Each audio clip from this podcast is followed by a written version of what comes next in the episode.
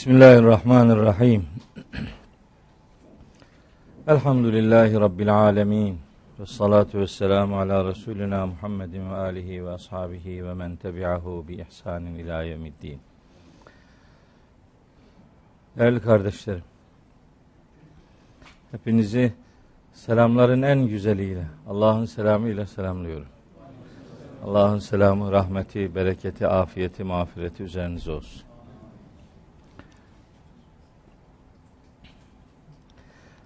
Bu benim önüme açtığımız Kur'an-ı Kerim gıpgıcır. Bu şeyi ben nereye koyuyorsam orada buluyorum bunun şunu. Belli ki 15 gün hiç açılmıyor bu yani. Böyle bir gıcır Kur'an'la götürüyoruz işi hayırlısı Allah'tan. Bugün inşallah 14. dersimizi yapacağız. Ve bugün Alak suresinin baştan itiraf edeyim hiç iddialı bir cümle söylemiyorum. iki ayetini okuyacağız. Öyle zannedilmesin ki Alak suresi işte 8 ayeti bitti kaldı şurada 11 ayet. Onları bitirir bu adam yok. İki ayet okuyacağız. Estağfirullah. Eraeytellezî yenha abden izâ salla. Bu kadar. Bu kadar ama bakalım kaç ayet okuyacağız. Onun üzerinden tabi Kur'an-ı Kerim'in çeşitli yerlerinden bir takım sunumlar yapacağız nasip olursa. İnşallah önümüzdeki ders yani 15 gün sonraki ders Alak suresini bitireceğim nasip olursa. Ee, böylece bir sezonda koskoca iki sureyi bitirmiş olacağız. 19 ayetlik Alak, 7 ayetlik Fatiha, yani 26 ayet 5-6 ayda bittiyse çok hızlı bir e, süreç yaşıyoruz demektir. Böyle vahiy 6 ayda 29 ayet çok hızlı gidiyoruz demektir. Gerçekten. Yani bir taraftan gülüyorum ama bakmayın güldüğüme. Yani 26 ayet çok fazla ayet. Çünkü daha 10 ayet gelmişken gece sabaha kadar kalk bu ayetler üzerinde düşün diyor Allahu Teala. Müzzemmil suresinde. Daha gelmiş 10 tane ayet, 7 tane, 12 tane ayet. Onlarla ilgili sabaha kadar ayakta dur diyor. Ve bizim her bir ders bir buçuk saat yani 10 ders olsa ne yapar? 15 saat. 15 ders olsa da 22 buçuk saat eder. Dolayısıyla Kur'an'ın muhataplarından belki bir gecede en çok bir ayeti okumalarını istiyordu demek ki. Biz hızlı gidiyoruz. O hızda Allahu Teala rızasından ayırmasın. Maksadımız daha çok sureyi okumak değil, okuduğumuz yeri daha iyi anlamaktır. Ne kadar okuyabilirsek, ne kadar anlayabilirsek, işte mesele budur. Bunun üzerinden bir mesai götürüyoruz. Cenab-ı Hak bana söyleyeceklerimi doğru söyleyebilmeyi nasip eylesin. Size de dinleyeceklerinizi doğru dinlemeyi, doğru anlamayı ve nihayet hayatınıza aksettirebilmeyi nasip ve müyesser eylesin. Evet, Alak suresinin ilk 8 ayetine şöyle mealen bir hatırlatma yaparak değineyim. Sonra okuyacağımız 9 ve 10. ayetler üzerinden sözlerimize başlayalım. Rabbimiz Hazreti Peygamber'e hitaben yaratan Rabbinin adıyla oku ki insanı o alaktan yaratmıştır. Oku Rabbin son derece cömerttir. Hakikatı kalemle öğretmiş, insanoğluna bilmediklerini bildirmiştir. Dikkat edin. İnsanoğlu azabilir, kendini müstahni gördüğünde, kendini kendine yeterli gördüğünde insanoğlu azgınlaşabilir, Oysa dönüş, varış sadece Rabbine olacaktır. Dedi ve ilk sekiz ayet böylece bitti. Şimdi biliyorsunuz bilenler biliyordur, bilmeyenleri vardır. Yani bizi izleyenler buradaki kardeşlerimizden ibaret değil. Yani pek çok yerden arkadaşlarımız takip ediyorlar. Allah razı olsun hepsinden. Hak etmediğimiz kadar bir iltifata mazhar olduk. Elhamdülillah. Allah mahcup bırakmasın. Kardeşlerimiz bazen bizi çok abartıyorlar işte filan. bir yere gidiyorum diyor hocam bir resim çekilelim. Ne olacak dedim. Bunu diyor arkadaşlara göndereceğim inanmazlar diyor. Yani ne, niye abartıyorsun ki yani? Gerek yok. Bir tanesi geçen Bolu'dan geldi. Diyor ki ben kendim şu anda hocam sen gerçek misin diyor. Yok dedim. Sen rüyadasın. Ben de böyle hayal, silüetim. Yani niye abartıyorsun kardeşim diyor. Hocam elini öpeyim diyor. Ben tarikat şeyi değilim. Elimi elimi öpme. Gözünü seveyim. Ne öpüyorsun ya? Ne bu eğilmeler kardeşim ya? Yani Allah'ın huzurunda eğilme varken başkasının önünde ne takla atıp duruyorsun? O başladı mı böyle başlıyor zaten. Birinden başlıyorsun ondan sonra tadı, ha, tadını alıyorsun öyle gidiyor yani. Lüzum yok yani hiç gerek yok. Çok kardeşlerimiz var elhamdülillah. Geçen hafta Rize İlahiyat'a gittim konferansa. Rize İlahiyat'ta çok harikulade bir izleyici kardeş topluluğumuza hitap ettik. Çok güzeldi. İlahiyat fakültelerinde Kur'an'a bu muhabbeti gördüm. Öyle büyük bir mutlulukla dönüyorum ki o gittiğim yerlerden. Şu yorgunluk falan hiç yanıma dahi uğramıyor. O muhabbeti görünce. Ee, böyle her tarafa hitap etme imkanı verdi Rabbimiz. Cenab-ı Hak bu nimetin kadrini kıymetini bilmeyi lütfeylesin. İşte başka insanlar, başka kardeşlerimiz izliyorlar.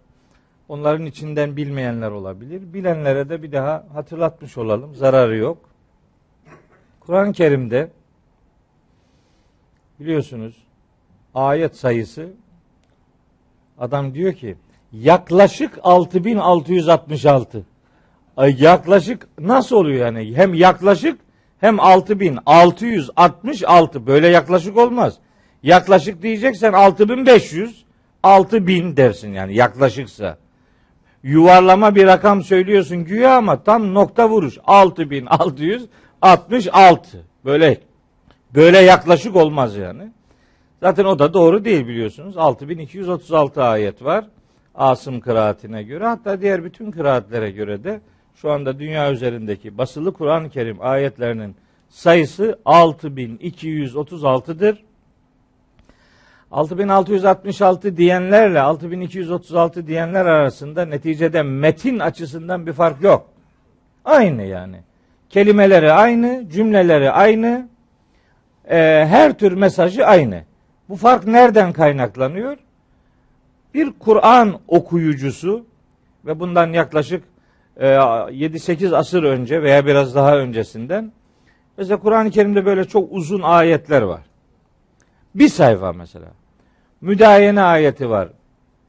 Bakara suresi 282. ayet, Deyn ayeti, müdayene ayeti derler ona. E, tam bir sayfadır. Şimdi bazı alimler bu sayfadaki cümleleri müstakil birer ayet saymışlar. Başka bazıları böyle kısa ayetler var. Bir kelimelik ayet. Ve duha bir ayet. Ve turi bir ayet. Ve şemsi ve şemsi bir ayet değil. Ve şemsi ve duhaha iki kelime bir ayet yani. Böyle kısa ayetli olanları da toplayarak 5-6 tanesini tek ayet sayanlar olmuş. Yani maksat vahiden herhangi bir şey kayboldu demek değil. Asla ve kat'a. Hicr suresinin 9. ayeti bu vahyin Kur'an'ın koruma garantisi altına alındığını Kur'an bize haber veriyor. Dolayısıyla metnin başına bir iş gelmemiştir. Elhamdülillah. Fakat ikide bir böyle 6666 deyince adam diyor ki saydın mı? Saymadı. Bir say. Sayıyor çıkmıyor. Bu defa diyor ki yani ne garip bir şeydir ki. Okuduğun kitabın kaç ayet olduğunu dahi bilmiyorsun. Sayıyorsun 6236 çıkıyor. Bu defa diyor ki birileri ha bak orada 430 tane fark var. 6236'dan 6666'ya 430 fark var. Bu fark neydi? İşte bu fark yok bilmem Hazreti Ali ile alakalıydı da onu Ebu Bekir, Ömer, Osman, Ayşe, Zeyd toplandılar. O Ali ile alakalı olanları götürdüler. Yok, yalan böyle bir şey yok yani. Asla yok yani. Böyle şey olabilir mi ya? Bu nasıl bir iddia? Şimdi ama adam 6666 ikide bir böyle deyip de milleti yani başka arayışlara sevk etmenin bir alemi yok. Bunun sebebi kıraat alimlerinin ayetleri sayarken uyguladıkları kendilerine göre uyguladıkları sistem farkından kaynaklanıyor. Biri 6 bir sadece 66 değil. Başka rakamlar söyleyenler de var. Ama artık bunu kitaplarımızda değiştirmemiz lazım.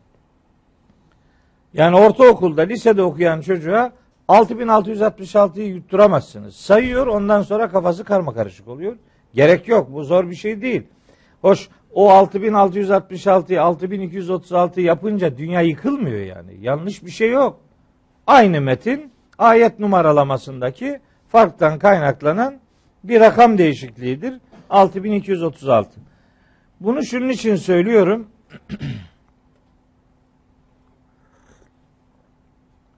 Kur'an'da işte bu kadar ayetin her birinin ayrı ayrı iniş sebebi dediğimiz düzül sebebi yoktur.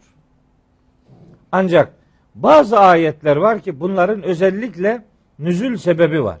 İniş sebebi var yani. Nüzül sebebi demek ayetin inişine sebep olan olay veya olaylar için kullanılır. Mesela hadislerin söylenişiyle alakalı teknik terimimiz nüzül sebebi değildir. Ona vurut derler. Sebebi vurut veya esbabı vurut derler. Evet, varit sözün varit olmasının sebebi ayetler için nüzül denilir. Nüzül ayetlerin yani yukarıdan makam olarak yüksek bir e, merciden gelmiş olması nedeniyle ayetlerin inişine sebep olan olaya veya olaylara sebebi nüzül, hadislerin söylenmesi olayına da sebebi vurut derler. Şimdi her bir ayetin nüzül sebebi yok. Ama bu hiçbir ayetin nüzül sebebi yok demek de değil. Bu konuda çalışma yapanlar demişler ki Kur'an ayetlerinin yani maksimum yüzde onunun nüzül sebebi vardır. Maksimum yüzde on. Bunu biraz daha eleyip rakamı oranı yüzde beşe çekenler bile var. Hani yüzde beş biraz diyelim çok fazla kıtma olsun. Ama yüzde on öyle küçük bir rakam değil. 6236 ayetin yüzde onu 620 ayet edet. 620 ayet eder. 620 tane nüzül sebebi de öyle az bir sebep değil.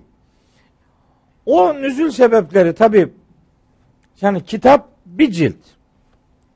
Kur'an-ı Kerim bir cilt. 600 sayfa. Ama bu nüzül sebepleri işini bazen öyle abartmışlar ki Kur'an bir cilt, nüzül sebeplerini anlatan kitap sekiz cilt. Ne oluyor ya? Yani hepsi bu kadar bunun. Yani hepsinin nüzül sebebi olsa en çok iki cilt olur. Hani bir olay anlatacaksın diye. Biraz istismar edilmiş. Şimdi bir, böyle bir rahatsızlığımız var. Bir yerde bir arıza varsa o arıza kısmıyla problemi sınırlı tutmuyoruz. Bu defa kurumun tamamını inkar ediyoruz. Nüzül sebebi diye bir şey yok deyip kestirip atıyoruz. Olur mu öyle şey canım?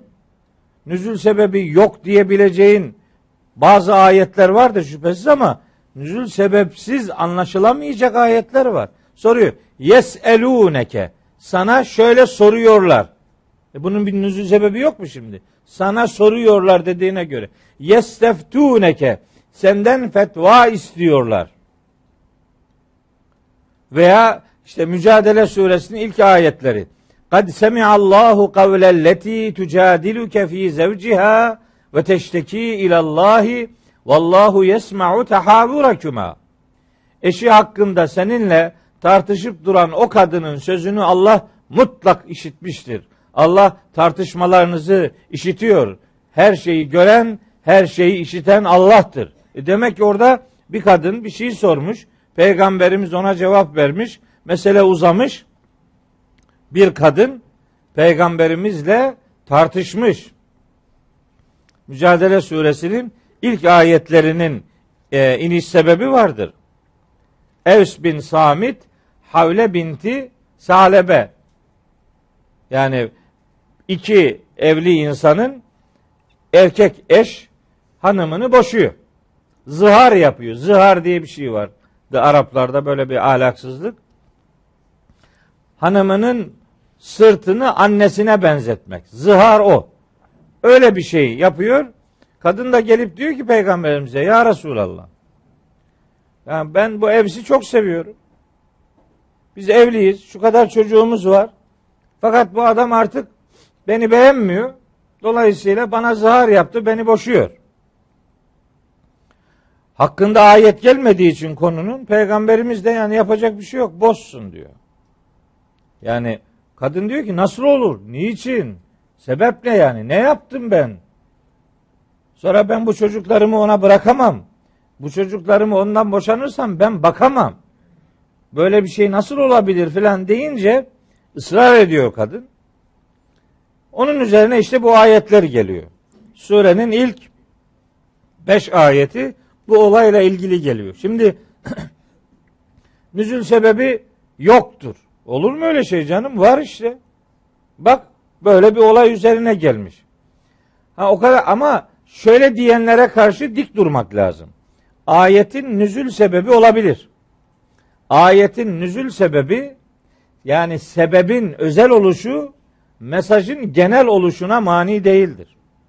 Nüzül sebebi özel olabilir eyvallah ama mesaj özel kalmaz. Mesaj mutlaka evrenseldir. Herkesle alakalı bir boyut içermektedir. Şimdi mesela o ayetler üzerinden İslam ve kadın spekülasyonu yapanlara mesela en net verilecek cevaplardan biri bu ayetlerdir. Şimdi nüzül sebebiyle ilişkili olarak Mücadele Suresinin ilk beş ayetini buluşturup o ayetler üzerinden başka bir şey söylemiyor. Halbuki bu ayetler İslam'ın kadına bakışıyla alakalı harikulade mesaj veriyor. Siz düşünebiliyor musunuz? Bugün biri kalkacak mesela gidecek Cumhurbaşkanıyla Başbakanla böyle çatır çatır tartışacak. Var mı?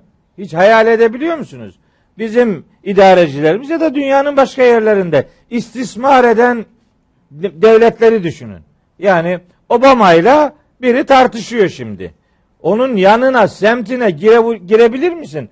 Bırak onun orada yanına gitmeyi. Buradan oraya gitmek için vize alamazsın bir defa. Bırak yani uçağa binemezsin. O kadar ulaşılmazdır yani. Ama onlar oradan İslam'a ve Kur'an'a böyle yağdırıp duruyorlar batılılar. Ama bu kadın bak Hazreti Peygamber devlet başkanı. Onunla mücadele ediyor. Veya düşünün herhangi biri geliyor mesela ruhani lider papa ile tartışıyor. Var mı öyle bir şey? Diyanet İşleri Başkanı'yla çatır çatır mücadele ediyor. Düşünebiliyor musunuz? Bugün. Yok. Randevu alamazsın kardeş. Nereye gidip konuşacaksın? Veya düşünün genelkurmay başkanıyla gidip biri tartışıyor. Bu, bu sıfatların her biri peygamberimizin o gün temsil ettiği sıfatlardır.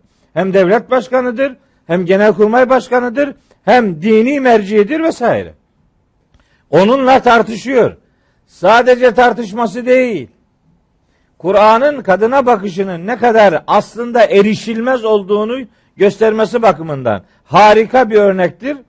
Tartıştığı peygamberimizin verdiği fetvaya göre değil, kadının insan olarak düşündüğü, hakkının yendiğini kabul ettiği bir meselede vahiy kadını desteklemek üzere geliyor. Kim Kur'an'ın kadınla alakalı bakışının çarpık olduğunu söyleyebilir? Yok böyle bir şey. Sen çarpık bakıyorsun. Kur'an değil. Biri düzelecekse o sensin. Kur'an'ın düzelmeye ihtiyacı yok.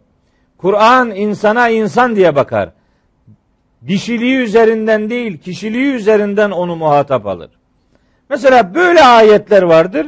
Ve ayetin bir tarafına bakıp kendimizi yersiz, gereksiz tartışmalara muhatap kılıyoruz. Lüzum yok.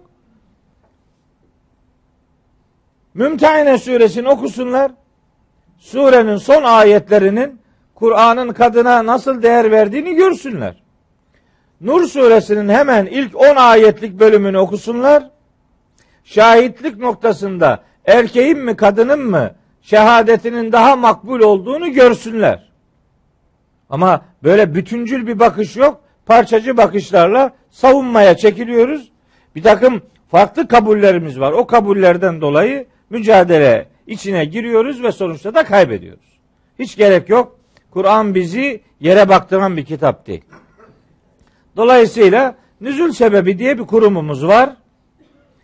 İstismar ediliyor olsa da meseleyi istismar sınırıyla bırakmak lazım. Ama bu ayet şimdi okuyacağımız Alak suresi 9 ve 10. ayetlerin de bir nüzül sebebi var. Nereden biliyorum? Şuradan. İşte buyuruyor ki Rabbimiz Estağfirullah. Eraeyte ellezî yenha abden ida salla. İşte ibadet, dua ederken bir kulu men edeni, onu engellemeye çalışanı gördün mü? Şimdi ne var burada? Biri ibadet yapıyor, öbürü ona engel oluyor. Demek böyle bir şey yaşanmış. O zaman biz gidiyoruz, bakıyoruz ne olmuş, yaşanan neydi? Rivayet kitaplarına bakıyoruz. Bir bakıyoruz ki şahısların isimleri değişik olsa da mantık olarak aynı olay anlatılıyor. Şahıs isimleri farklı olsa da. İşte daha yaygın kabul gören e, rivayete göre Ebu Cehil demiş ki Muhammed'in Kabe'de namaz kıldığını görürsem boynuna basıp yüzünü yere sürteceğim. Ya başına basacağım deme diyor yani. Namaz kıldığını görürsem. Nebi Aleyhisselam da onun söylediği bu sözü duyunca şayet bana yaklaşsaydı melekler onu paramparça ederdi buyurdu. Buyurmuş. Dolayısıyla şimdi şahısların adı farklı olsa da buna benzer çeşitli rivayetler var. Meseleyi bir boyutuyla ufak bir rezervimi ortaya koyarak bu nüzül sebeplerini kabul ettiğimi ifade edebilirim. Sadece rivayetin içindeki o da rivayetten kaynaklanmıyor, tercümeden kaynaklanıyor. Rivayette deniyor ki işte namaz kılarken, Kabe'de namaz kılarken, niye namaz kılarken diyor? Çünkü ayette salla kelimesi var. Bizde de tercüme ederken nerede bir salla görüyorsa adam hemen ona namaz yapıştırıyor. Dolayısıyla mesele namaza indirgeniyor. Konunun sadece namazla ilişkilendirilen tercüme kısmındaki bu boyutu hariç kalan kısmıyla bu rivayetin kabulünde hiçbir sorun yok. Evet metne de uygundur. Kur'an metnine de uygundur. Bizim nüzül sebeplerini kabulde çok önemli kriterlerimiz var. Bunlardan bir tanesi nüzül sebebinde anlatılan olayın ayetin metniyle birebir bire uyuşmasıdır. Uyuşmalıdır. Şahıs zamirleri, zaman kavramları birbirleriyle uyuşacak. Şimdi mesela ayette bir şahıs geçiyor. Nüzül sebebi olayı anlatırken bir kalabalık üzerinden anlatıyor. Olmaz. Ayet metnine sadakat gerekir. Bir. ikincisi ayetin siyakına sibakına uygun olmalıdır nüzül sebebi. Yani böyle alakasız göndermeler yapmıyor olması lazım. Metnin içine ve bağlama uygunsa şahıs zamirleri, kullanılan fiiller ve söz konusu zaman kipleri birbirine uygunsa o nüzül sebebi ayeti anlamada önemli bir yardımcı unsurdur. Yasin suresinde var değil mi? Buyuruyor ki orada Cenab-ı Hak Estağfirullah. Evelem yaral insanu enna halaknahu min nutfetin fe izâ huve hasîmun mübînun ve darabe lena meselen ve nesiye halqah Kale men yuhyil izame ve hiye ramim. Şimdi bunun nüzül sebebi yoktur. Nasıl dersin ya? İşte diyor ki Rabbimiz görmez mi şu insan ki biz onu bir nutfeden yarattık. Şimdi kalkmış apaçık düşmanlık yapıyor. Kendi yaratılışını unutuyor ve bir çürümüş kemiği eline alarak bize bunu kim diriltecekmiş gibi diyerek bir örnek veriyor. E, bunun nüzul sebebi var işte. Nadir bin Haris veya e, başka şahısların isimleri geçiyor. Böyle kalkmış bir çürümüş kemiği eline almış. Peygamberimize gelmiş. Sen şimdi yani bunun mu diriltileceğini söylüyorsun diye alay etmiş. Bakın metnin yani Kur'an metninin söylediğiyle nüzül sebebinden nakledilen olay büyük oranda örtüşüyor birbiriyle. Zamirler aynı, konu aynı, zaman aynı. Demek ki nüzül sebebi var. Burada da öyle. Mesele sadece konuyu namazla ilişkilendirmekten kaynaklanıyor. Niye buna rezervim var? Birazdan söyleyeceğim. Salat kavramı ile alakalı uzun uzadıya notlarım var. Onları size aktarırken rezervimin sebebini de o vesileyle ifade etmiş olacağım.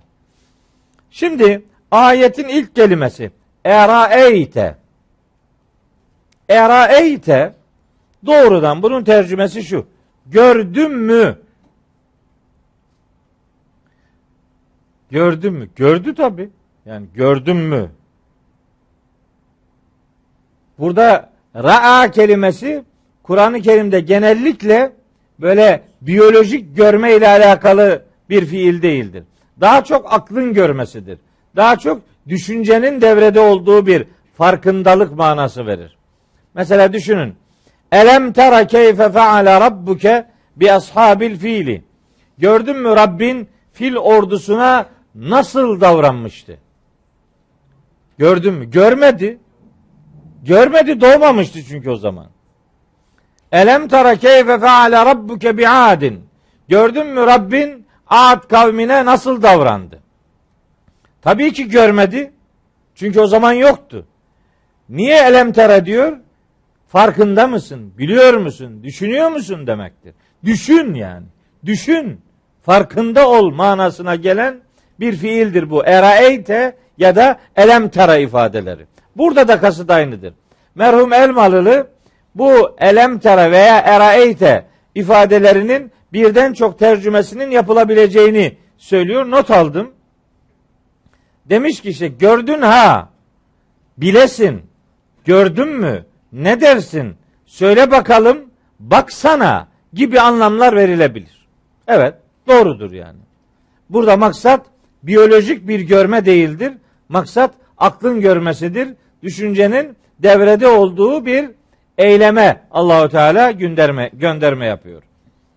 İşte bu manaların belki hepsini içerecek şekilde tek kelimeyle karşılamak istersek buradaki eraeyte'ye bir düşün, bir düşün ifadesini tercüme olarak e, tercih edersek çok yanlış bir şey söylemiş olmayız. Eraeyte'nin manası budur. Düşünce ile alakalı bir anlam verir. Sonra ellezî yenha Eraeyte bir düşün bakalım. Kimi? Ellezî yenha. Şu engelleyen kişiyi. Engellemekte olan kişiyi. Şimdi bakın. Arapçada bir cümle eğer isim cümlesi olarak geliyorsa bir ifade, fiil cümlesi olarak geliyorsa onun vermek istediği mana biraz farklıdır. İsim cümlesi olarak gelirse biraz daha farklıdır. İsim cümlesi bir eylemi yapan insanın o eylemi alışkanlık haline getirdiğini, adeta ondan beslendiğini, onunla anıldığını, o eylemle özdeşleştiğini göstermek için bir devamlılık manası veren katkısı vardır cümleye. Erayitellezî yenha engelleme, engellemekle meşgul olan. Yani işi gücü engellemek olan. Habire engelleyen, engellemekten nemalanan, kendini öyle tatmin eden şu insanı bir düşün bakalım. Bu insan kim? İşte nüzül sebebini de söyledik. Ebu Cehil. Büyük oranda kabul edilen şahıs Ebu Cehil. Şimdi burada iki kişiye rahmet okumalıyım. İki kişiye. Bunlardan biri Fahrettin Razi, bir diğeri ise İmam Taberani. Şimdi bu bu zevat, bu alimler, bu kültürün bize aktarılmasında şöyle çok etkin rol oynamamış olsalardı pek çok konuda sıkıntıya düşecektik.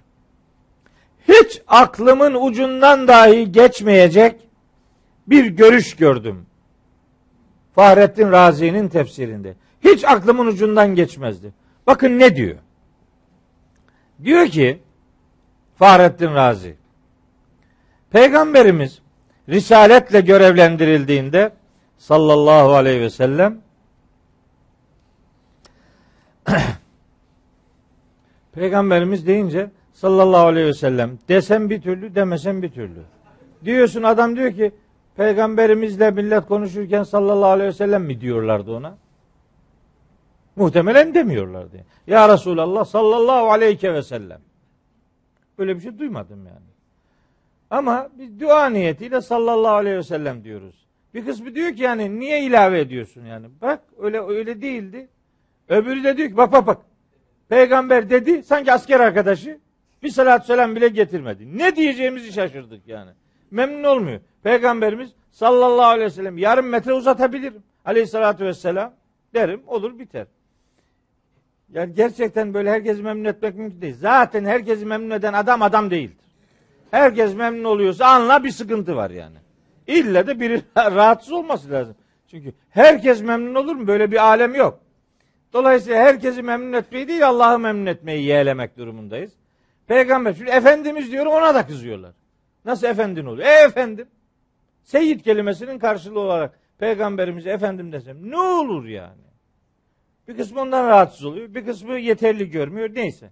Biz gene bildiğimizi söyleyelim. Peygamberimiz Nebi Aleyhisselatü Vesselam Risaletin ilk dönemlerinde tabi bakıyor ki Mekke'nin durumu karışık. Mekke'nin oligarşik yapısıyla tek başına nasıl mücadele edecek? Çok zor bir iş. Öyle slogan atmayla olmuyor yani. Ayakları yere basan bir coğrafyada yaşıyor peygamberimiz. Tabi meselenin sıkıntılı olduğunu, zor olduğunu görünce şöyle dua ediyor. Duanın birkaç versiyonu var. Araştırdım bir hadisçi kardeşimle de bunları konuştum. Bir rivayet var. Şöyle buyurmuş peygamberimiz. Ee, Allahümme eyyidil İslame bi umereyni demiş bir rivayet. Başka bir rivayet Allahümme e'izzel İslame bi ehibbai Ömer ibnil Hattabi ve Amr ibn Şişam. Böyle bir versiyonu var. Benzer başka versiyonları da var ama verilmek istenen mesaj şu.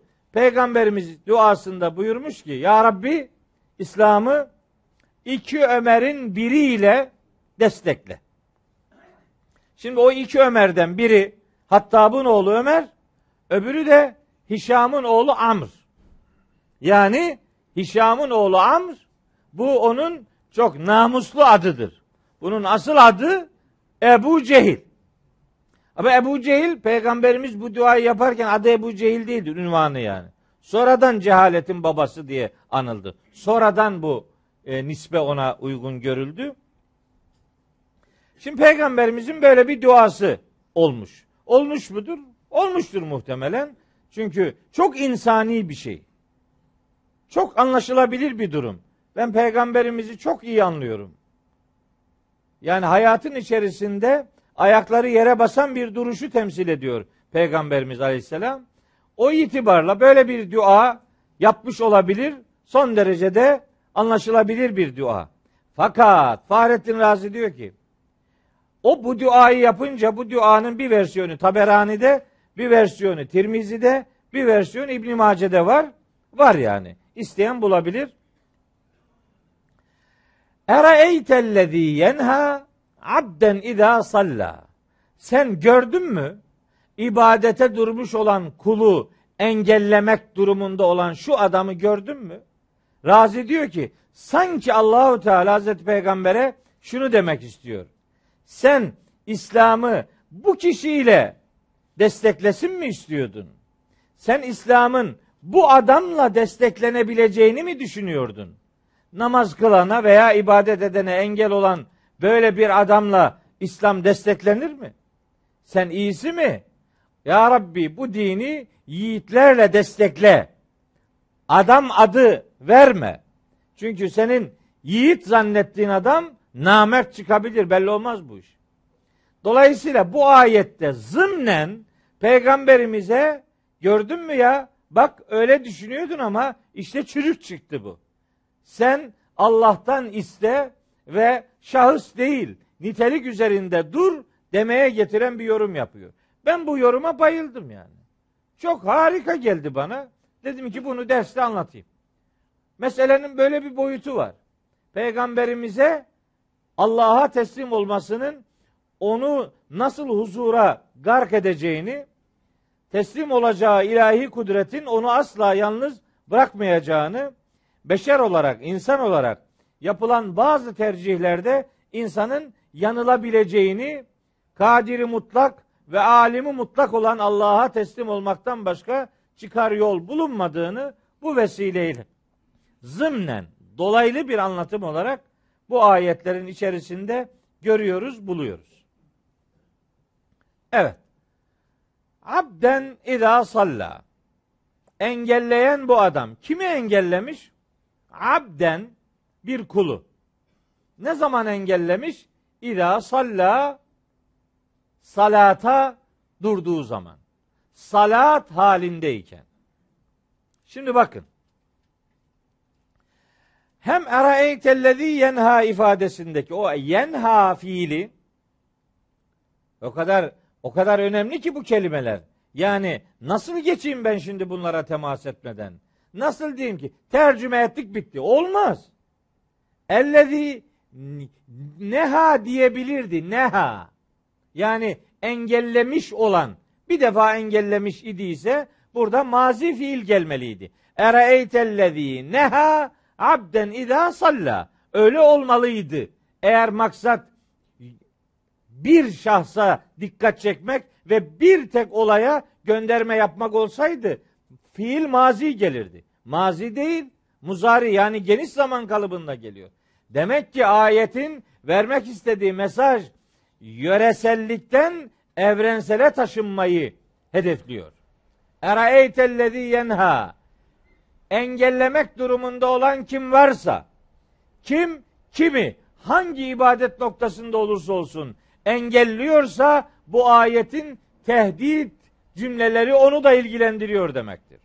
Yani böyle bir evrensel mana veriyor. Cümlenin geniş zaman kalıbında getirilmiş olması.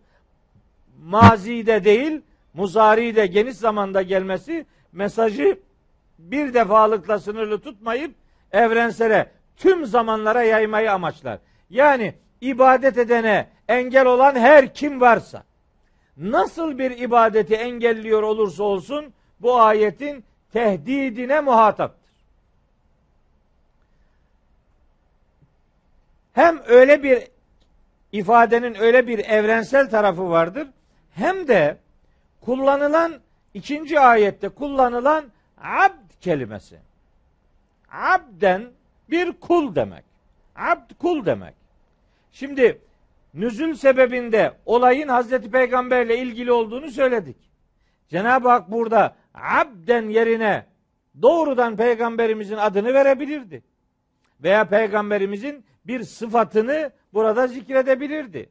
Ereeytellezî yenha Resulen idâ salla. Nebiyyen idâ salla diyebilirdi mesela. Neziren idâ salla. Sıfatı üzerinden diyebilirdi. Demedi. Abd kelimesini kullandı. Niye?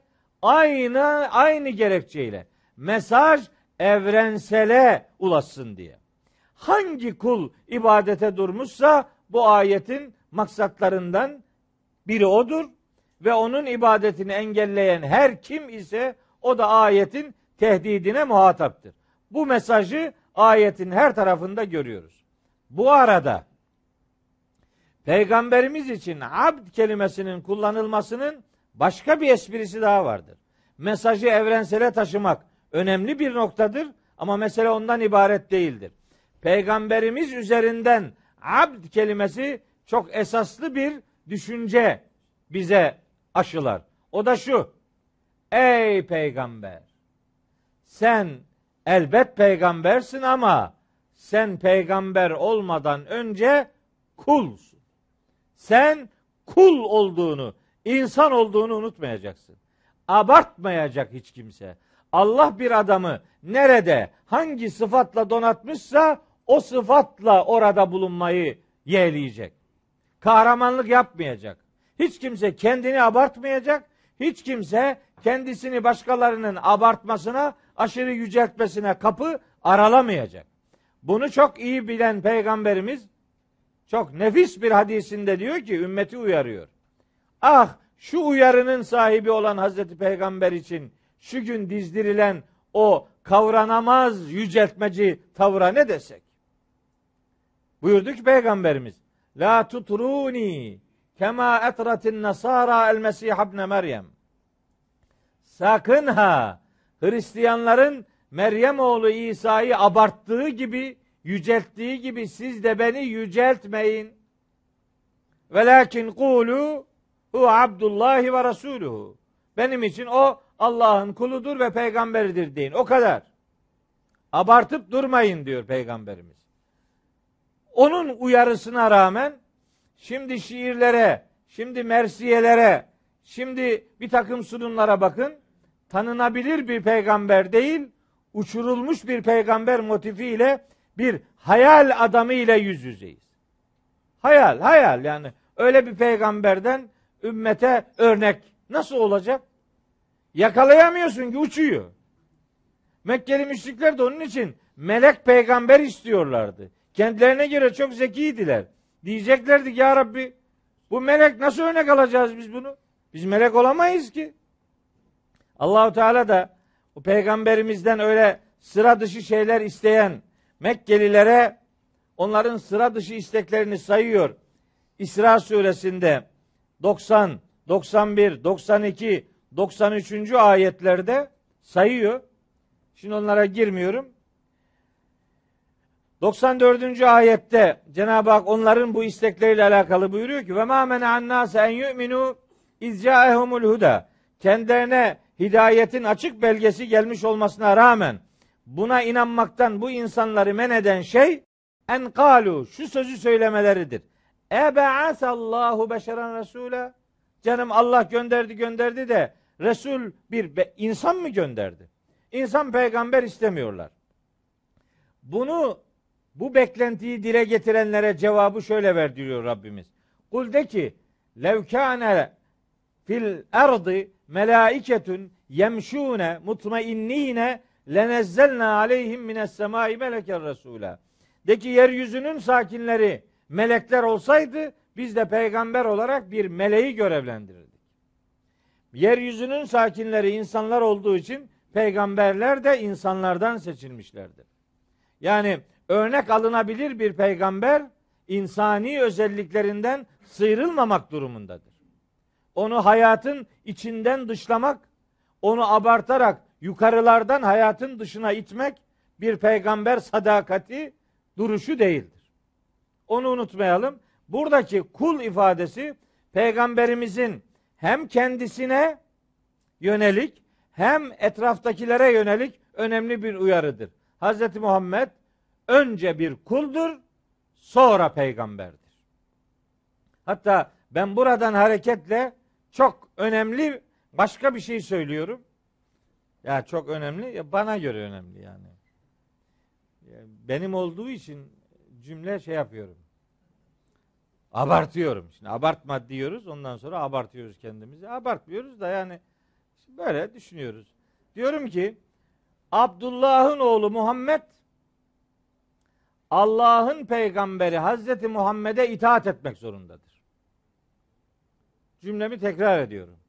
Abdullah'ın oğlu Muhammed Allah'ın peygamberi Hazreti Muhammed'e ittiba ile yükümlüdür. Yani biz Abdullah'ın oğlu Muhammed'e değil, Allah'ın peygamberi Hazreti Muhammed'e tabi oluyoruz.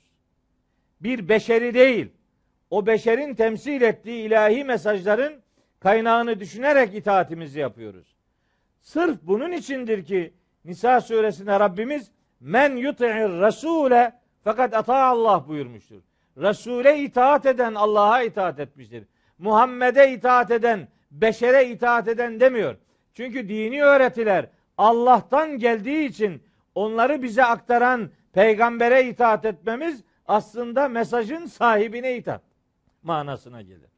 O itibarla burada kul göndermesini Hazreti Peygamber'in de risalet öğretilerini önce kendisinin benimseyip yaşaması gerektiğini ona öğretmektedir. Amener Resulü bima unzile ileyhi min rabbihi vel müminune. Resul ve Resul Rabbinden kendisine indirilmiş olana iman etti. Önce Resul iman etti vel müminune sonra da müminler. Önce o peygamber kendi kendi risalet öğretilerine, kendisi üzerinden verilen risalet öğretilerine önce onun itibar etmesi, onun inanması ve onun uygulaması gerekiyor. O itibarla Resul Muhammed'e, Beşer Muhammed'in itaati zorunludur.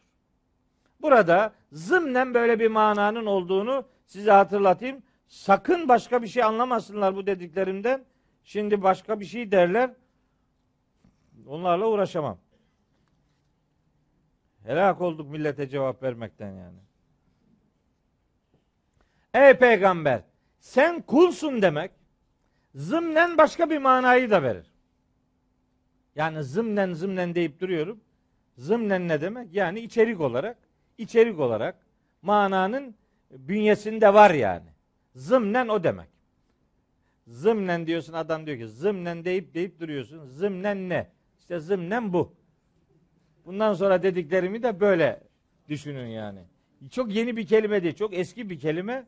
Dilimize doğrudan Türkçe bir kelime yerine koyamadığımız için Arapça ifadeleri yeğliyoruz. Başka bu bizim kültürümüz. Kültürümüz bu olunca da yani kelimelerin her birinin motamot karşılığını bulma imkanımız yok. Bu ayetin mesaj dünyasında şu da var. Ey peygamber sen abdsın. Sen abdsın yani kulsun. Öyleyse senin bir sahibin vardır. Biri kulsa yani biri abd ise onun bir mabudu vardır. Allah kendisinin Hazreti Peygamberi sahipleneceği mesajını da aslında burada veriyor. Birisi kulsa onun mabudu onu sahiplenmektedir. Hiç kimse bir peygamberi normal bir beşer, sahipsiz bir insan olarak görmesin. Böylece hem Hazreti Peygamber'e ve müminlere moral veriliyor hem de karşıtlarına gözdağı verilmiş oluyor. Sen kulsun, mabudun Allah'tır. Öyleyse ma vedda'ake rabbuke ve ma kala. Rabbin seni terk etmedi ve sana darılmadı. Allah kulunu terk etmez ve ona darılmaz kul arkasını dönmedikçe. Burada böyle bir arka planında bir moral mantığının bulunduğunu da bu vesileyle söyleyelim. Evet. İbadet eden her kim olursa olsun onlara engel olan her kim olursa olsun bu ayetin tehdit dünyasında kendilerine yer bulmalıdırlar. Öyle değil mi? Yani bu memlekette o kadar yıl mesela başörtüsüyle alakalı bir şey yasak uygulandı. Yani kızlarımız Allah'ın bir emrini yerine getirmek isteyen kızlarımız başka düşüncelerin tarafıymış gibi cezalandırıldılar. Şu kadar insan mağdur edildi. Şimdi onları mağdur eden insanlar ya da zihniyet bu ayetin tehdit muhatapları arasında yok bu yani. Bu ayetin nüzül sebebi özel olabilir ama ayetin mesajı özel değil, geneldir, evrenseldir. Bu zulmü kim yapıyorsa o zalim sıfatını almışsa sonuçlarına katlanacaktır. Bugün dünyanın çeşitli yerlerinde de zulmün altında inim inim inleyen şu kadar insan var. Müslüman olsun olmasın fark etmez. Bir zalim, bir mazluma musallat olmuşsa hani o Kanadalı o Filistin'de öldürülen e, Raşel gibi ne demiş? Zalim, zulüm bizdense, zalim bizdense ben bizden değilim demiş. Evet aynen öyle. Öyle demiyor mu Hucurat suresinde? Bir mümin başka bir mümin gruba saldırırsa saldırganlık yapana karşı siz saldırın. Ta ki vazgeçinceye Allah'ın hükmüne teslim oluncaya kadar. Bak mümin mümine saldırırsa saldırgan cezalandırılır. E bu mümindir bir bildiği vardır. Yok öyle bir şey. Saldırdıysa onun karşısında durmak görevimiz var. Çünkü onun saldırdığı mazlumdur. Biz mazlumun yanında yer alırız. Bir mümin bir kafire haksız yere saldırdıysa mümine karşı duracağız. Saldırıdan vazgeçin, vazgeçirinceye kadar. Yok öyle şey. Adam kafirse hesabını Allah'a verir. Sen onun jandarması polisi değilsin. Onun cezasını sen veremezsin.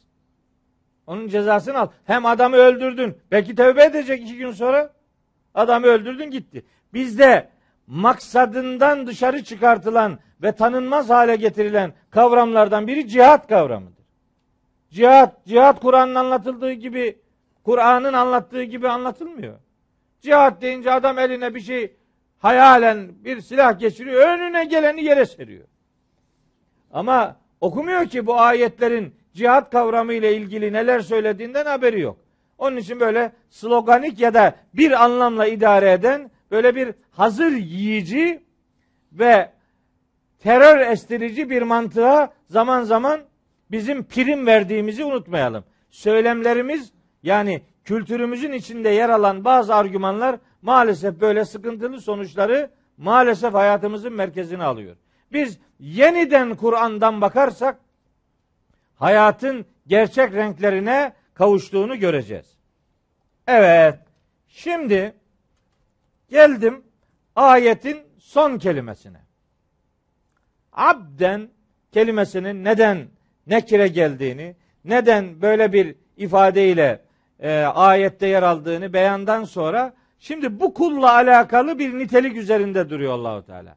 İza salla. Salat halindeyken. Tabi elimizdeki meallerin neredeyse tamamına yakınında buradaki salat kavramı namazla karşılanmaktadır. Namaz kıldığı zaman o kula engel olanı bir düşün bakalım. Şimdi bu salla kelimesi çok önemli bir kavramdır Kur'an ölçeğinde. Kökü saleye veya saleve, salevedir diyenler var, saleyedir diyenler var.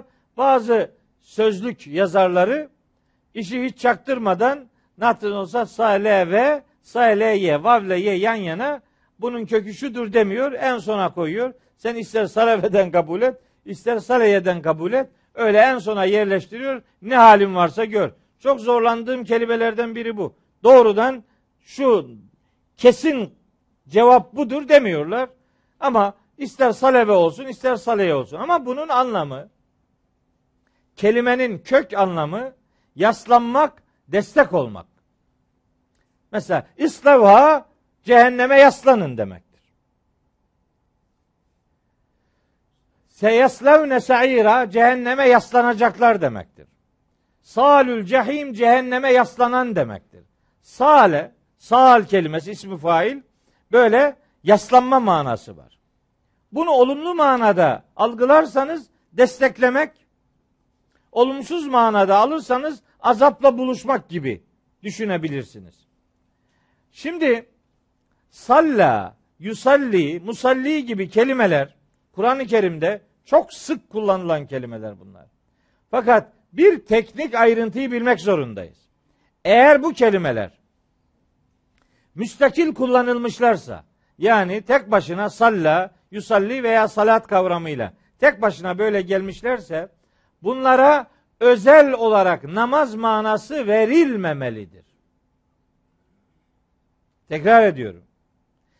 Tek kullanılmışlarsa yani özel bir kullanım değil de genel bir kullanım içerisindeyse bu kelimeler formu belli olan, şekli belli olan namaz manasına alınmamalıdır.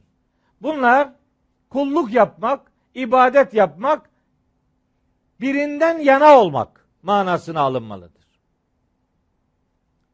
Kulluk yapmanın içinde namaz da vardır hiç şüphesiz.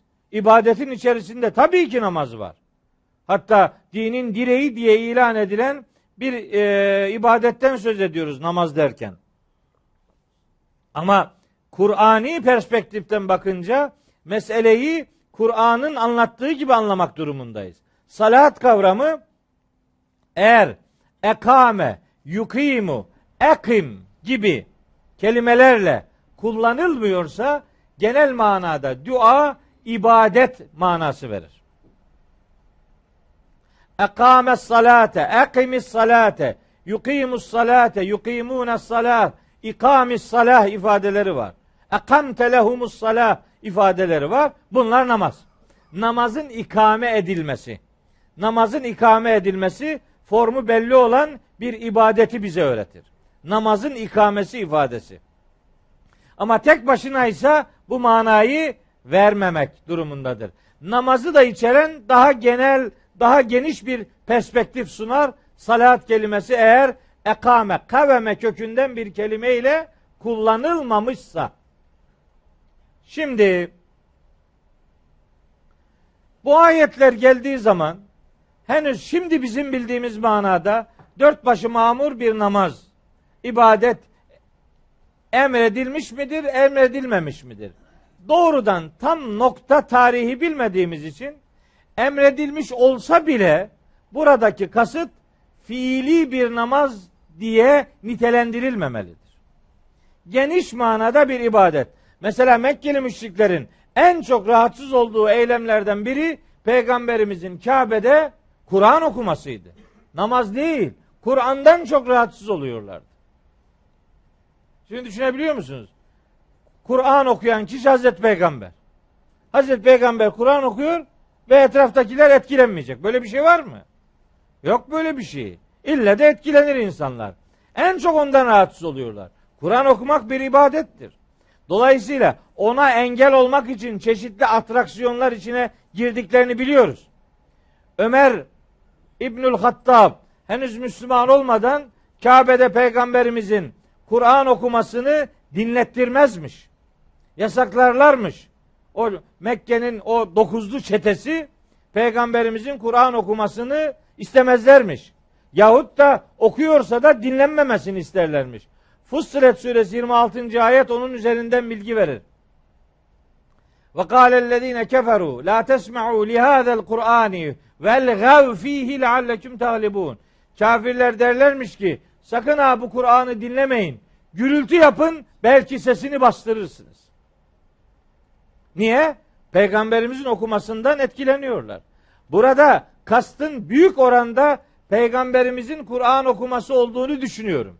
Ancak namaz kılmak da bu ibadet kavramının içinde var. En ufak bir tereddüdüm yok.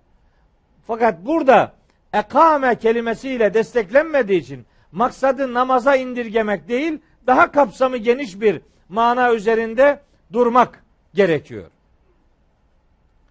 Tabi meselenin boyutu uzayacak korkusuyla bu peygamberimizin okumasının yüreklerde nasıl etkiler bıraktığına dair Hazreti Ömer'in Müslüman olmasıyla alakalı çok nefis bir olay anlatılır. Ama şimdi oraya girmeyeyim. Şimdi salat kavramı yaslanmak anlamına, destek olmak, yaslanmak anlamına alabiliriz. Öyleyse Allah'tan yana olmak kaydıyla, Allah'ın rızasını kazanmak kaydıyla, Allah'a daha yakın olabilme düşüncesiyle ortaya konulmuş her bir tevhid eylemi salat kavramının içinde vardır. Salat kavramı bir tevhid eylemidir. İster söylem olsun, ister eylem olsun. Yani ister sözlü ifadeler olsun, ister fiziksel uygulamalar olsun. Hangisi olursa olsun, eğer Allah rızasını kazanmak ve tevhid dairesinde kalmak gibi bir arzunun tecellisi ise o eylem salat kavramının içerisinde kesinlikle yer alır. Çünkü o anlamda salat Allah'tan yana olmak demektir. Zaten insan hayatta iki şeyden birine yaslanır. İnsanoğlu ya hayatında Allah'a yaslanır mahşerde cennete gider ya şeytana yaslanır mahşerde cehenneme gider. Bu böyledir. Bunun ara yolu yok yani.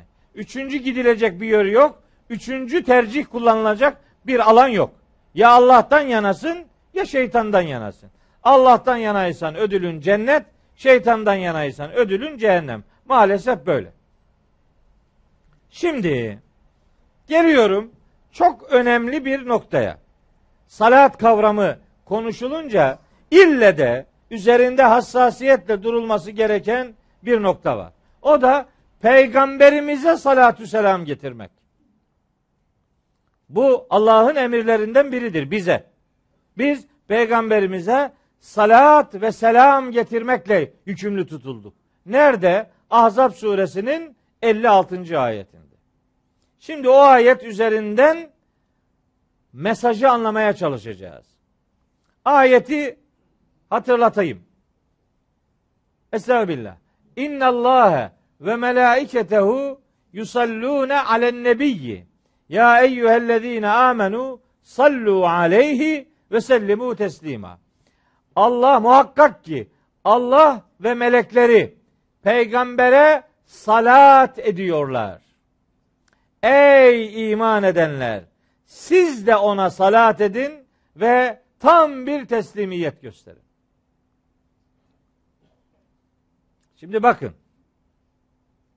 Peygamberimize salat selam getirmek bir ibadet biçimi olarak bir duyarlılık olarak ümmetin gündemindedir.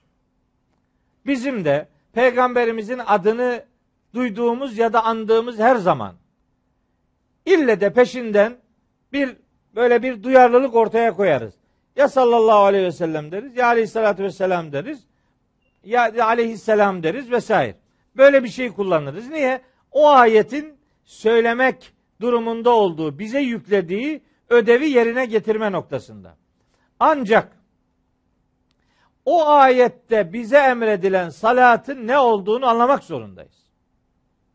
Öyle geçiştirilmeyle olacak iş değil. Çünkü geçiştirilince çeşitli edebiyatlar türetildi. Şimdi düşünebiliyor musunuz? Rivayetlerde yer alıyor. Peygamberimize nispet ediliyor. Buyurmuş ki peygamberimiz kim bana salat selam getirirse onlar her gün bana arz edilir. Ben onları görürüm. Listesini tutuyor herhalde. Onlar bana a, ibadetler peygambere arz olunur diyor. Ne, ne demek bu ya? İbadet peygambere arz olur mu? Kafayı mı yedin ya? İbadet peygamber için ibadet yapan adam müşrik olur. İbadet Allah için yapılır. Peygamber için ibadet yapılır mı? Olur mu? Mabudun kim senin? Allahu Teala. İbadet Allah için yapılır. Peygambere ibadetler sunulur. Bu nasıl bir cümle? Şimdi peygamberimiz buyurmuş ki bana salat selam getirenleri ben bilirim. Pek. Tabi çok tutuyor bu cümle. Yani o kadar etkileyici ki düşünebiliyor musun? Peygamberimizin ajandasında yer alıyorsun. Her gün salat selam getiriyorsun. Peygamberimiz seni listeye kaydediyor. Ajandanın başında senin adın var. Bu kadar değil ki. Diyor ki bir salat selam getirene cennette on huri. Bir tane daha getirirsen katlanıyor 20. Oluyor artık akşama kadar söylüyorsun. Ortalık huriden geçilmiyor yani. Biliyorsunuz değil mi? Bir salatü selama kaç tane huri? Google'a yazın. Salatü selam huri diye yazın görürsünüz. Bakın kim neler söylemiş oradan anlarsınız işi. Kafa bozuk. Huri bir cennet ödülü olarak düşünülmüyor ki. Adamın kafasında ne tilkiler dolaşıyor böyle huri derken. Huri, cennet, melek ve kafada düşünülen şeylere bak ya. Ne acayip bir şey. Ama edebiyat üretildi. Niye? Salat ve selam kavramları Kur'ani ölçekte anlaşılmadığı için. Arz olunuyor ibadetler peygamberi. Peki. O zaman bana biri Allah rızası için Maide suresinin 109. ayetini anlatsın ya. Ayette şöyle diyor Allahu Teala. Mahşer sabahı yevme yecme'ullahu rusul. Allah peygamberlerin hepsini toplayacak o gün. Mahşer günü. Feyekulu ve onlara soracak. Diyecek ki Mâzâ üciptüm. Size ne cevap verildi? Yani ümmetleriniz sizin için neler söylediler? Sizin davetiniz nasıl karşılık buldu? diye soracak hepsine. Cevap. Kalu diyecekler ki la ilme lena bilmiyoruz. Hani liste tutuluyordu? Ne oluyor şimdi? Sen bana nasıl bunu yutturacaksın şimdi? Sen şimdi bana o rivayeti yazdıracaksın. Bu ayet ne olacak peki? Bu ayeti bilmeyene yuttur. Ama bu ayet burada duruyor. Kardeşim biraz soru sormak lazım Allah aşkına ya. Her söylenene, her söylenene itibar edilir mi? Bizim de yanlış söylediğimiz yerler olur. Allah için yanlışımıza kimse itibar etmez. Yanlışsa bırakın, benim olsun. Uyarın, ben yanlışımdan vazgeçeyim. Ama yani herhangi bir kisveyle, herhangi bir kimlikle çıkıp da adamın her sözü doğrudur. Böyle saçmalık olmaz. Ne demek? Kim kim kim kim hangi garantinin sahibidir ki? Ne doğruluğundan söz ediyorsun? Yok öyle bir şey. Kavramı iyi anlamayınca edebiyatın içi defolarla dolu. Kusura bakmasın kimse. Okusun biraz daha bakalım. Maide suresinin 116, 117, 118. ayetler okuyun bakalım. Bakalım bu söylemlere itibar edecek misiniz yani? Onun için diyoruz ki bir Müslüman önce Kur'an okumalıdır. Önce Kur'an oku, sonra ne istersen oku. Ama ne olur Allah aşkına önce okumaları Kur'an'la başlatın. Kur'an okumayan adama ne olsa yutturursunuz. Ama Kur'an okusun, bir eleği olsun adamın. Biri bir şey dediği zaman bir dakika o konuda şöyle bir ayet var ne olacak? Mukabelesinde bulunun. Ve iz Allahu ya İsa Allahu Teala İsa aleyhisselama demiş olacak ki mahşerde. Ya İsa ibn Meryem ey Meryem oğlu İsa e ente kulte linnâsi sen şimdi insanlara şöyle mi dedin? İttehizûni ve ümmiye ilâheyni min dûnillâhi. Beni ve annemi Allah'ın peşi sıra iki ilah edinin. Böyle mi dedin? Hazreti İsa cevap verecek. Kale diyecek ki Sübhanek seni eksikliklerden tenzih ederim. Şanın yücedir senin. Ma yekûnü li en ekule ma leyse li bihak. Ben benim için doğru olmayan şeyi nasıl söylerim? İn kuntu kultuhu fakat alimte. Ben böyle bir şey deseydim zaten sen bunu bilirdin. Ta'lemu ma fi nefsi ve la a'lemu ma fi nefsik. Sen bende olanları biliyorsun. Ben senin bildiklerini bilmiyorum. İnneke ente allamul guyub. Gaypları en iyi bilen sadece sensin. Ma kultu lehum illa ma emerteni bihi. Ben onlara sadece senin bana emrettiğin şu sözü söyledim. Ne dedim? En i'budullaha rabbi ve rabbeküm. Benim de sizin de Rabbiniz olan Allah'a kulluk yapın dedim ben onlara. Ve kuntu aleyhim şehiden madüm tüfihim. İçlerinde bulunduğum sürece durumlarına şahit idim. Ama felemma teveffeyteni ne zaman ki beni vefat ettirdin künte enter rakibe aleyhim artık onları gözetleyen sensin. Ben bilmiyorum ne dediklerini. Ne yaptıklarını bilmiyorum. Ve ente ala külli şeyin şehid. Her şeye şahit olan sensin. Bak bilmiyormuş demek ki. Allah Allah. Allah Allah. Başka ayetlerde var da hani daha fazla uzatmak istemiyorum. Ne olur Kur'an'dan bakarak Müslüman olmaya çalışalım. Dini duyarlılığımızı, inşamızı Kur'an'la şekillendirelim. Müzzemmil suresinde buyurulduğu gibi gecenizi Kur'an inşa etsin, gündüzünüz tesbihe dönsün. Ama Kur'an'la inşa olmayınca işte bir takım şeyler devreye giriyor ve bunları ayıklamak doğrusunu söyleyince sana yanlış söylemiş muamelesi yapıyorlar. Halbuki yanlış onun dediği. Onun sözü Kur'an'la taban tabana zıt. Peygamberimiz Kur'an'a aykırı konuşur mu? Kur'an'a aykırı konuşursa ona peygamber denir mi? Hakka suresindeki uyarıyı herkes biliyor. وَلَوْ تَقَوَّلَ عَلَيْنَا بَعْضَ الْاَقَاوِيلِ لَاَخَذْنَا مِنْهُ بِالْيَم۪ينَ ثُمَّ لَقَطَعْنَا مِنْهُ الْوَت۪ينَ فَمَا مِنْكُمْ مِنْ اَحَدٍ عَنْهُ حَاجِز۪ينَ Yani peygamber, elçi bazı sözleri bize nispet edip uydursaydı, bu işinden dolayı onu güçlü bir şekilde yakalar, sonra da şah damarını keser parçalardık. İçinizden hiçbiriniz buna engel olamazdınız diyor. Bu nasıl bir kültür kardeşim? Rabbimiz başka bir şey diyor, peygamberimiz bambaşka bir şey diyor. Böyle o. Böyle olur mu canım? Kur'an'dan bakarsanız neyin doğru, neyin yanlış olduğunu anlarsınız. Bakın size bununla alakalı harika bir ayet daha söyleyeyim. İki ayet söyleyeyim. Biri En'am 155, biri Enfal 24. En'am 155'te buyuruyor ki Rabbimiz ve hâzâ kitabun enzelnâhu mübârekun fettebi'ûhu vettekû leallekum turhamun.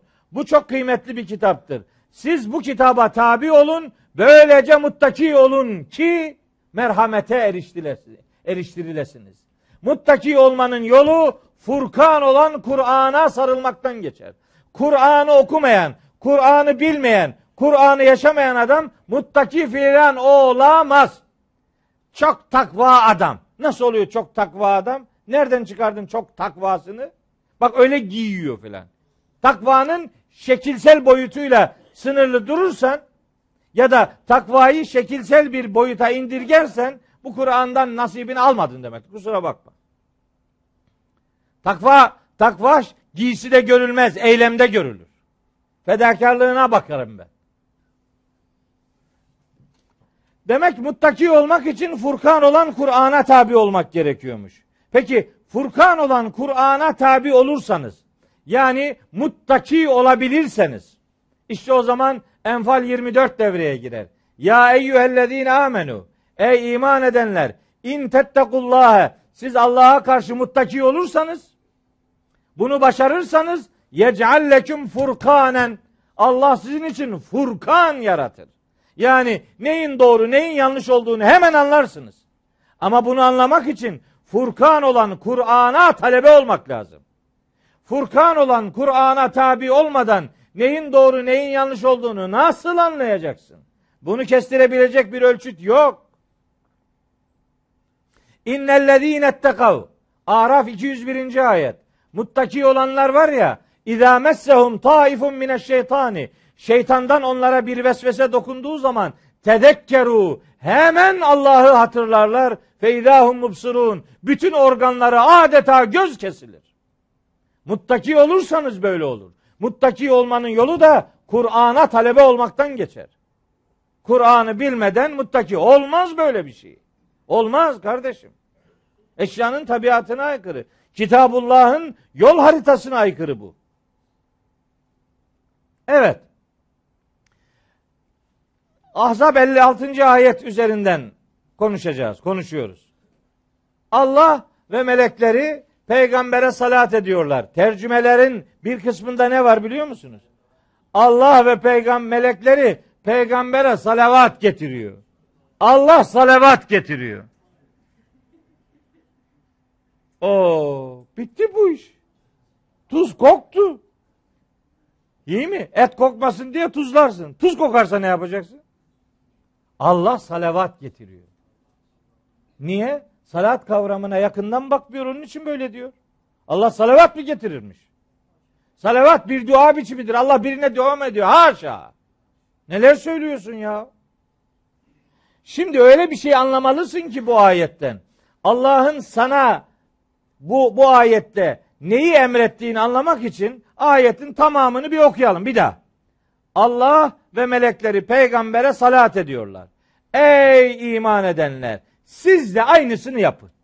Öyle bir şey yapacağız ki Allah'ın ve meleklerin yaptığının aynısı olacak. O zaman salat kavramını masaya yatıracağız. Bakacağız ne demek istiyor salat? Allah ve meleklerinin salatı Allah'ın ve meleklerin yardımı demektir. Desteği demektir. Allah ve melekleri peygambere yardım ediyor, destek veriyorlar. Ey iman edenler, siz de peygambere yardım edin, destek olun ve ona tam bir teslimiyet gösterin. Bu ümmet salatu selamın salat kavram kısmını eylemden söyleme indirgemiştir. Tekrar ediyorum cümlemi. Bilerek ve ısrarla söylüyorum. Ümmet peygamberimize yönelik salat ve salat selam kavramını eylemden söyleme indirgemiştir. Yani fedakarlık yapmayı diliyle söylemeye dönüştürmüş, evirmiştir. Peki Allahu Teala o ayette bizden iki şey istiyor. Hem salat edin hem selam edin diyor. Yani hem yardımınız olsun hem bir tam teslimiyetiniz olsun. Bu emir iki unsurdan oluşuyor. Peki biz bunun gereğini yerine getirirken söylem olarak bile olsa gereğini yerine getirirken yarısını atladık. Bak eylemi söyleme indirgedik. Oradan bir büyük kabahatimiz var. Söyleme de yarısını atarak kötülük yaptık. Allahümme salli ala Muhammed. Peki sellimu ve sellimu teslime o ne olacak? Hani tam teslimiyet? Onun karşılığı yok. Teslimu, teslim olduk. İyi de peygamberimize salat ederken Allahümme salli ala Muhammed diyoruz da peki ve sellimu onun karşılığı? O söylemde de yok. Eylemde yok, söylemde de yok. Olmaz. Olmaz. Yeniden kendimize gelmek ve kavrama yeniden Kur'an'ın bak dediği yerden bakmak zorundayız. O ayette söylenen şudur. Ey müminler peygambere yardım edin. Ve onun getirdiği değerlere tam bir teslimiyetle sadakat gösterin. İstenen budur. Sadece bu ayetler geldiği zaman ben hiç zannetmiyorum ki bu ayet geldiğinde sahabiler böyle koro halinde toplandılar. Aldılar ellerine tesbihi. Allahümme salli ala Muhammedin ve ala Muhammed. Dediler mi? Duyduk mu böyle bir şey? Allah aşkına ya. Ya sormayacak mıyız bu soruları ya? Yüreğim daralıyor. Vallahi yüreğim daralıyor ya. Bu kadar mı ucuz bu iş yani? Böyle mi yaparak medeniyet oluşturdular? Böyle mi yaparak Mekke'den Medine'ye, Yesrib'i Medine'ye böyle mi dönüştürdüler? Yesrib'i medeniyetin beşiği haline, hukukun, dinin uygulandığı yer haline böyle Allahümme salli ala Muhammed diyerek mi getirdiler? Böyle mi oldu bu iş? Hayır böyle olmadı. Canını minnet altına aldı ve peygamber için, din için, Allah için, mukaddesat için fedakarlık yapmayı canına minnet saydılar da Yesrib'i Medine'ye dönüştürdüler. Fedakarlık dinidir bu din. Onun için söylüyoruz. Müslüman mısın? Elhamdülillah. Ciddi misin? Ciddi misin Müslümanım demekle? Samimi misin kardeşim? Müslümanım demek büyük bir iddiadır. Büyük. Çok büyük sorumlulukları vardır bunun. Sorumluluklar noktasından düşünerek İslam'a yürek vermiş olmanın senden ne tür fedakarlıklar beklediğini sorgulamak durumundasın. Salatü selam peygamberi değerlere yardım etmeyi ve onlara yürekten teslim olmayı gerektiren bir fedakarlık isteğidir. Şimdi çeşitli ayetler var. Salat kavramı ile alakalı. Biz şimdi zannediyoruz ki Ahzab suresi 56. ayette Cenab-ı Hak peygamberimize sadece salat ediyor. Melekler sadece Hazreti Peygamber'e salat ediyor. Salatı peygamberimizle özdeş hale getirdik. E bakalım Ahzab suresi 43. ayet var.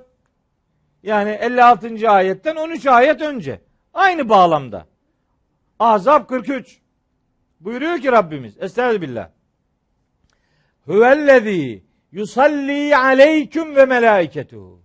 Allah ve melekleri size salat ediyor.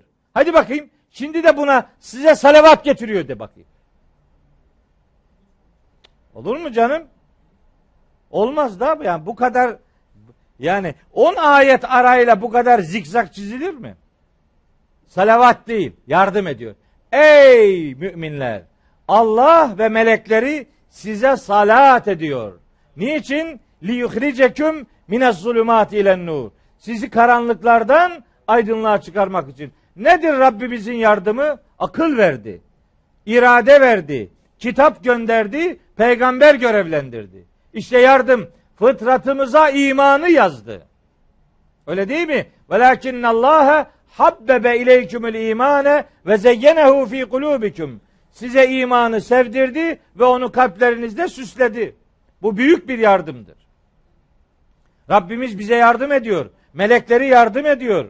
Melekler bizim hayatımızın her tarafında var. Fussilet suresi 30, 31, 32, 33. ayetleri okuyun. İnnellezîne kâlû rabbunallâhu Ella tehafu ve la tahzenu ve ebşiru bil cenneti lleti kuntum tuadun. Nahnu evliyaukum fil hayati dünya ve fil ahire. Ve leküm fiha ma teştehi enfusukum ve leküm fiha ma teddaun. Nüzülen min gafurir rahim. Melekler bunu Rabbim Allah'tır deyip istikamet sahibi olan müminlere inerek söylerler diyor. İnerek melekler inerler ve bunu istikamet sahibi adamlara söylerler. İşte yardım yüreğini motive eden bundan daha büyük yardım olabilir mi? Allah da yardım ediyor, melekler de yardım ediyor. Kime? Bize. Yardımı hak ediyorsan melek geliyor. Adam melekle bir arada düş olmayı hayal bile edemiyor. Var. Melekler var, melekeler var. Allah hayatı çepeçevre bu sistemle dizayn etmiş. Öyleyse salat kavramına doğru anlamlar vereceğiz. Doğru bakacağız. Şimdi çok önemli, çok önemsediğim bununla alakalı başka bir ayet. Tevbe suresi 103. ayet. Bakın. Buyuruyor ki Rabbimiz Estağfirullah. Huz min emvalihim sadakaten tutahhiruhum ve tuzekkihim biha ve salli aleyhim inne salateke sekenun lehum vallahu semi'un alim. Hadi bakalım. Nasıl tercüme edeceğiz şimdi bunu? Ey peygamber sen onların mallarından sadaka al. Bak şimdi bak. Neler aklıma geliyor vallahi. Bak sadaka vermek nedir? Sünnet. Yok canım. Yok canım. Kim dedi sünnet? Sadakayı sünnet hükmüne indirgedi bu ümmet. Allah farz diyor. Tevbe suresinin 60. ayetinde Allah farz diyor. Feridaten minallah diyor. Sadakaya sünnet dedikleri için o ayetteki sadaka kelimesi de sadaka demek değil zekat demektir evirdiler. Sanki Allah başka zekat kelimesi kullanmıyor. Kur'an'da bir sürü atü zekate, yutune zekate ifadeleri var. Onları kullanmıyor. Sadaka kelimesini kullanıyor. Sonunda da feridaten minallah diyor. Bizimki diyor ki sadaka vermek sünnettir. Yani sadaka vermek nedir? Ben size söyleyeyim. Amiyane tabir olacak ama anca böyle anlaşılıyor. Sadaka vermek bozuk paralardan kurtulmaktır. Başka başka bir şey. Sadaka kutuları var da iş yerlerinde. Siz onun içinde hiç 200 lira gördünüz mü? Var mı? Hiç rastladınız mı? Kağıt para yok be. Adam cebinde ceketi yırtılmasın diye bütün bozuk paraları daldırıyor oraya. Sadaka bu işte. Adamın sadakası bu. Oysa sadaka, sıdk, sadakat, tasdik, sıddik köklerinden gelir. Kök, yani sadaka kökünden gelir. Sadaka bir insanın iman iddiasındaki sadakatinin görüntüsüdür.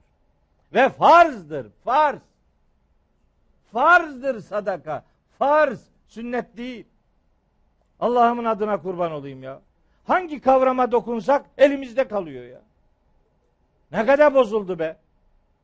Onun için yeniden Kur'an'dan okumak durumundayız. Yeniden Kur'an'dan başlamak ve sonra sonra her birini yeniden okumak durumundayız. Her birini yeniden okuyunca hepsini reddetmeyeceğiz. Bozulanları deşifre edeceğiz. Diyeceğiz ki bu bozuldu kardeşim. Karda Hasan diye bir kavram var da Karda Hasan. Karda Hasan Müslümanların gündeminde mi artık? Yok. Niye? Birinden boş para istiyorsun diyorsan ki bankaya git. Ha, banka kesmiyorsa sana faizdir. Özel finans kurumlarına git. Bana soruyorlar hocam krediyle ev alabilir miyiz? Alamazsın diyorum. Yapma ya e, alamazsın. Bana sorma. Başkasına sor. Yani özel finans kurumlarına o daha bin beter diyorum. Alamaz. Cidden mi? Vallahi öyle. Bana göre öyle. Bana sorma diyorum ya başkasına sor. Bu kurumlar, bu bankacılık sistemi, bunlar, şunlar, bunlar. Yani ekonominin şartları noktasında öyledir böyledir. İşin orasıyla ilgilenmiyorum. Ben bu sistematiğin Müslümanların gündeminden Kardı Hasan kavramını kaldırdığına inanıyorum. Artık kimse kimseye bir kuruş borç vermiyor. Aslında Kardı Hasan birine karşılığını şahıstan almak üzere bu verilen borç da değil. O da yanlışa dönüştürüldü.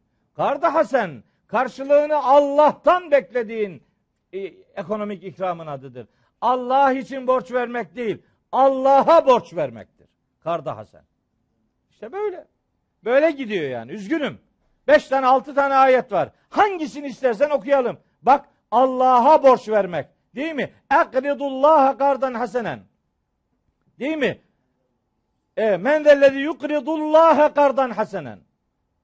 Ekridullaha yukridullaha. Allah'a verilen borç.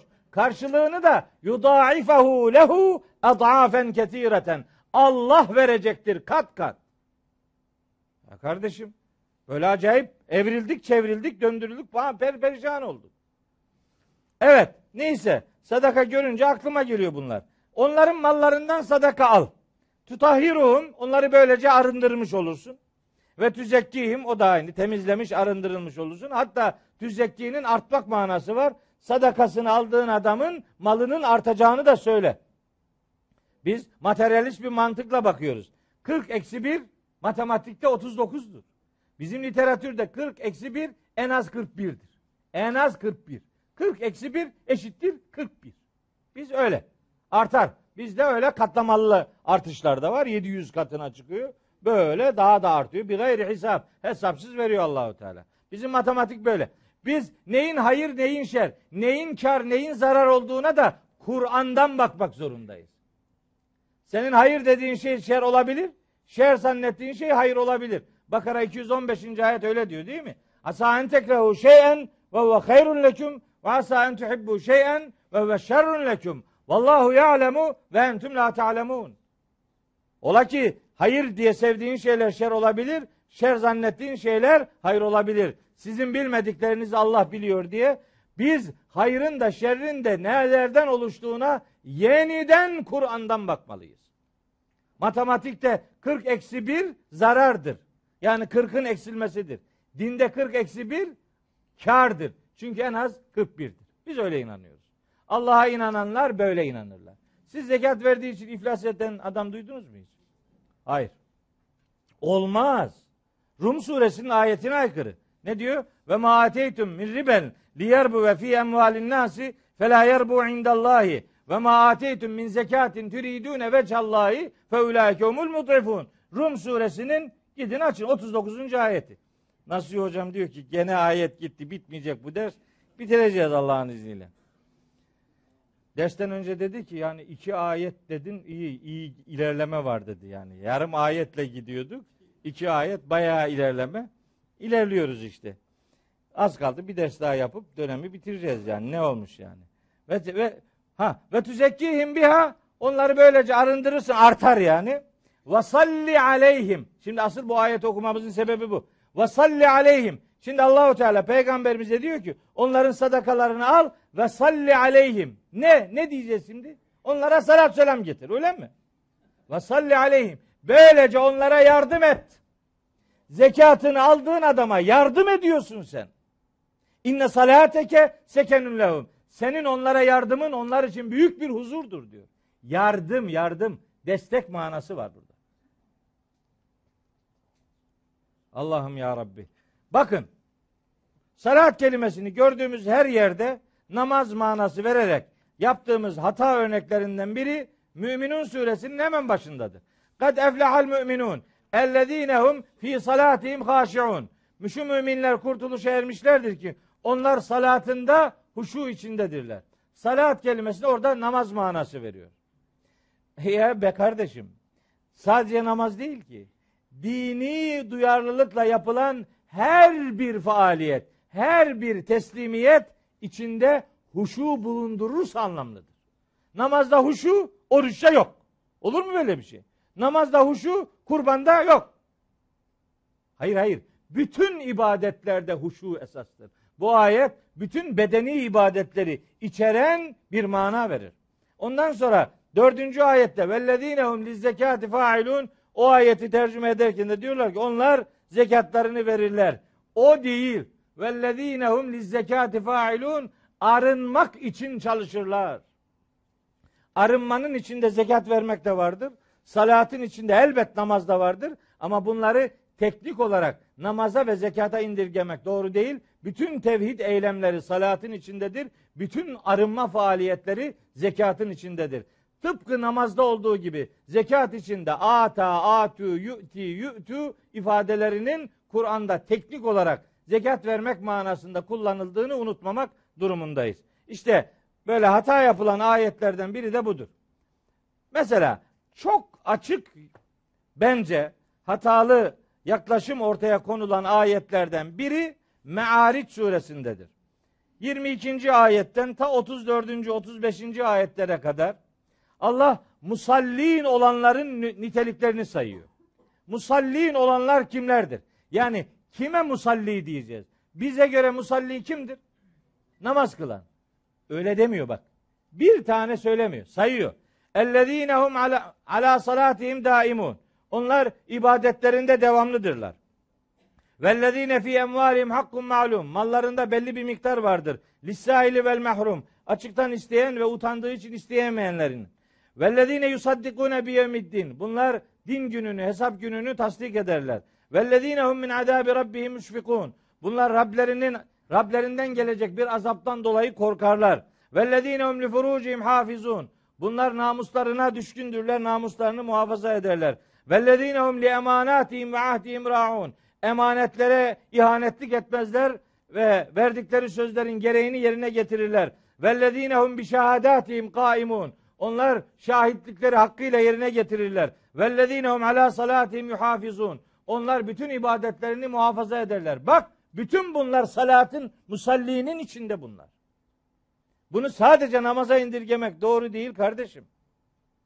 Namazı da içeren son derece kapsamı geniş çerçeve bir kavramdır. Salat ve musalli kavramı. Me'ariç suresinde ifadeler bu. Bakın Müddessir suresinden bir ayet grubu hatırlatayım. Sakar cehennemine girecek olanlardan söz ediyor Allahu Teala. Mahşerde onlara sorulacak. Ma selekeküm fi sakar. Ya ne yaptınız da sizi hangi sebep sakar cehennemine sürükledi diye sorulacak. Cennetlikler cehennemliklere soracak. Cevap. Galu diyecekler ki lem nekü minel musallin. Biz namaz kılanlardan değildik. Adam inanmıyor, inanmıyor. İnanmayan adamın namazından konuşulur mu? Lem nekü minel musallin. Biz Allah'tan yana olanlardan değildik. Biz Allah'ın Allah'ın yanında olanlardan değildik. Tavrını, tercihini Allah'tan yana belirleyenlerle birlikte değildik. Onlardan olmadık. Velem nekü nut'imul miskin. Yoksulları yedirmezdik. Ve künna nehudu me'al haidin. Boş işlere dalanlarla beraber biz de aynı boş işleri yapardık. Ve künna nükezzibu biyevmiddin.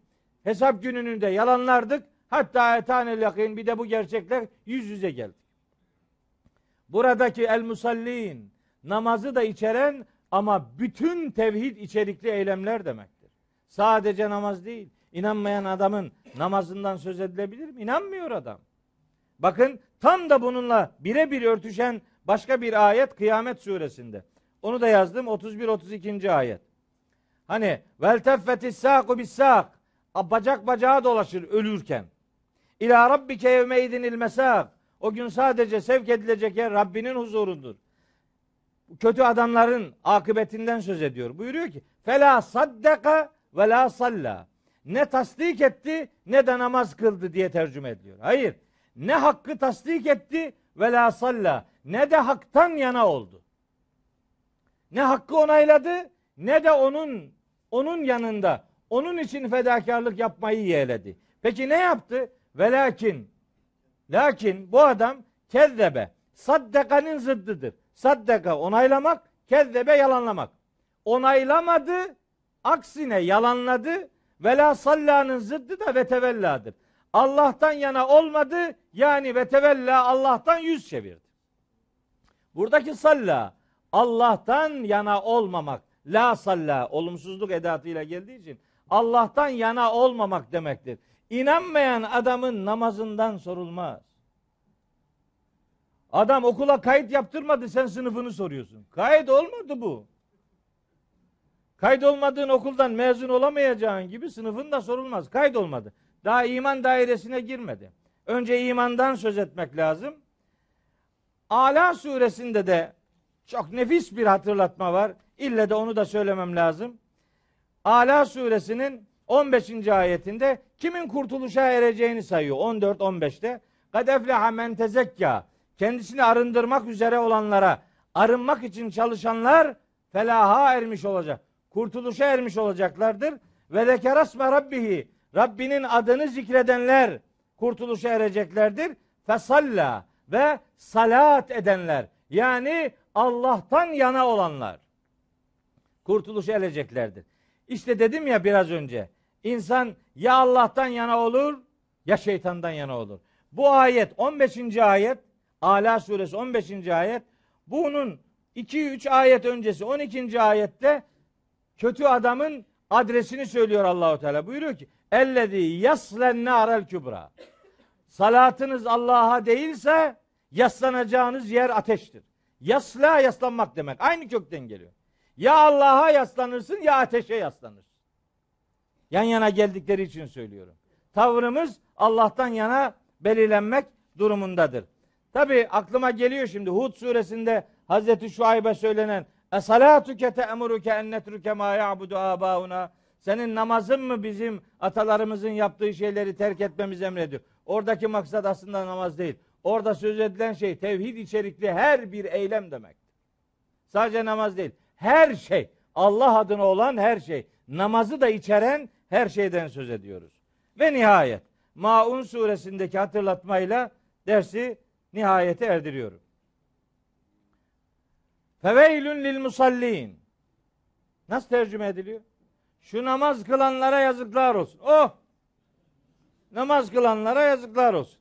Adam derse ki aşağısını bilmiyorum burayla yetindim ne olacak? Diyorlar ya işte ben La takrabus salate namaza yaklaşmayın diyor Allahu Teala. Ve entüm sükara orası beni ilgilendirmez diyor. Orayı ben bilmiyorum. Görürsün ilgilendirip ilgilendirmediğini. Hani burada adamı adama yuturuyorsun da öbür tarafta hiç öyle olmayacak yani. Feveylün lil musallin. Şu musallin olanlara yazıklar olsun. Kim bunlar? Bakın Kur'an'ı anlamada birinci müracaat gahımız yine Kur'an olmak zorundadır. Burada kimden söz ediyor? Ereeytellezi yükezzibu biddin. Bu bir tip. Kim bu tip? Dini yalanlayan adam. Dini yalanlayan adamın namazından söz edilebilir mi ya? Dini yalanlıyor bu adam. İster dini olarak kabul edin, ister mahşeri fark etmez. İki manada vardır. Dini yalanlayanı gördün mü? Fedâlikellezî yed'ul yetim. Bu yetimi, yetimi itip kakar ve la yahuddu ala miskin. Yoksulun yedirilmesine de teşvik etmez. Feveylün lil musallin. Şu musallin olanlara yazıklar olsun. Kim bunlar? Öyle birini bulacağız ki dini yalanlıyor olacak, yetimi itip kakacak ve boş işlerle uğraşıp işte yoksullara yardımı aklının ucundan geçirmeyecek. Kim bunlar? Bunlar Enfal suresinin 35. ayetinde sözü edilen Mekkeli müşriklerdir. Zaten Maun suresi Mekki bir suredir. Burada sözü edilen musallin Mekkeli müşriklerin kendilerince ibadet yaptıklarını, zanlarını Allahu Teala boşa çıkartıyor. Feveylün lil musallin. Musallin olduğunu sananlara yazıklar olsun. Ellezinehum ki onlar an salatihim sahun ibadetlerinden bir haberdirler. Ellezinehum yuraun işleri güçleri gösteri yapmaktır. Ne yapıyorlardı? Ve ma kana salatuhum indel beyti. Beytin yanında onların salatı, ibadeti şuydu. İlla mükaen ve tasliyeten. Islık çalmak, el çarpmak. Alkış yapmak. Yuraun işte gösteri. Böyle bir gösteri yapıyorlardı. Onlar ibadeti ıslığa ve alkışa indir, indirgemişlerdi. Bununla ibadet yaptığını zanneden Mekkeli müşriklere yazıklar olsun. İbadetlerinden bir haberdirler. Bu ayet Mekkeli müşriklerin duyarsızlığını, dine karşı ne kadar soğuk olduklarını anlatıyor. bütün Maun suresi, bütün ayetler, 7 ayet hepsi aynı bağlamda. Diyorlar ki 3 ayet Mekke'de geldi. İlk 3 ayet, son 4 ayet Medine'de geldi. Peki sure Mekki mi Medeni mi Mekki? Ya nasıl oluyor? 4 ayet Medine'de, 3 ayet Mekke'de hala Mekki diyorsun. O zaman Medeni de. İlla bunun içine mümin namaz kılanları da sokacağız. Ya Mekke'de zaten namaz kılanlar canını dişine takarak namaz kılıyordu. Allah onlara feveylün lil musallin der mi? Veylün kelimesi Kur'an'da nerede geçiyorsa ucu cehenneme açılan bir ifadededir bu. Peygamberler etrafında yeni oluşmuş kitleye feveylün leküm der mi yani?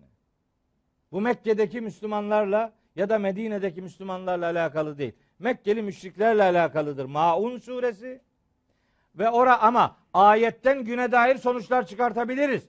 İbadetinden habersiz olanlar, ne yaptığını bilmeyenler, gösterişle bu işi götürenler o ayetin tehdidine tabii ki muhataptırlar. Ama ayetin vermek istediği ilk mesaj müminlerin namazları değil, müşriklerin ibadet yaptıkları o gösterişlerin kınanmasıdır. Ayetlerden güne dair sonuç çıkartırız eyvallah. Ama ayetler onları anlatıyor diyemeyiz.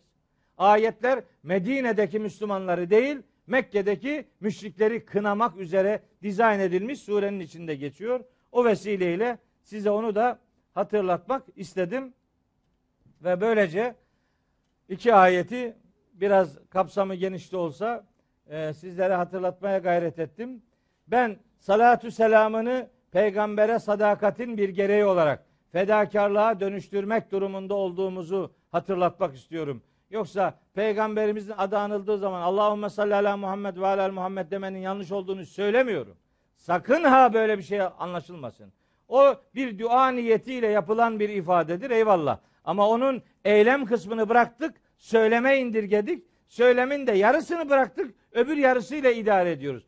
Oysa kelimenin kullanıldığı anlam dünyasında fedakarlıklar yapılması lazım geldiğini hatırlatıyorum. Söylemini faaliyete ve fedakarlığa dönüştüren gerçek musallin insanlardan olmamız niyazıyla hepinizi Rabbimin engin rahmetine gark etmesini ondan niyaz ediyorum. Allah'a emanet olun. Allah'ın selamı üzerinize olsun.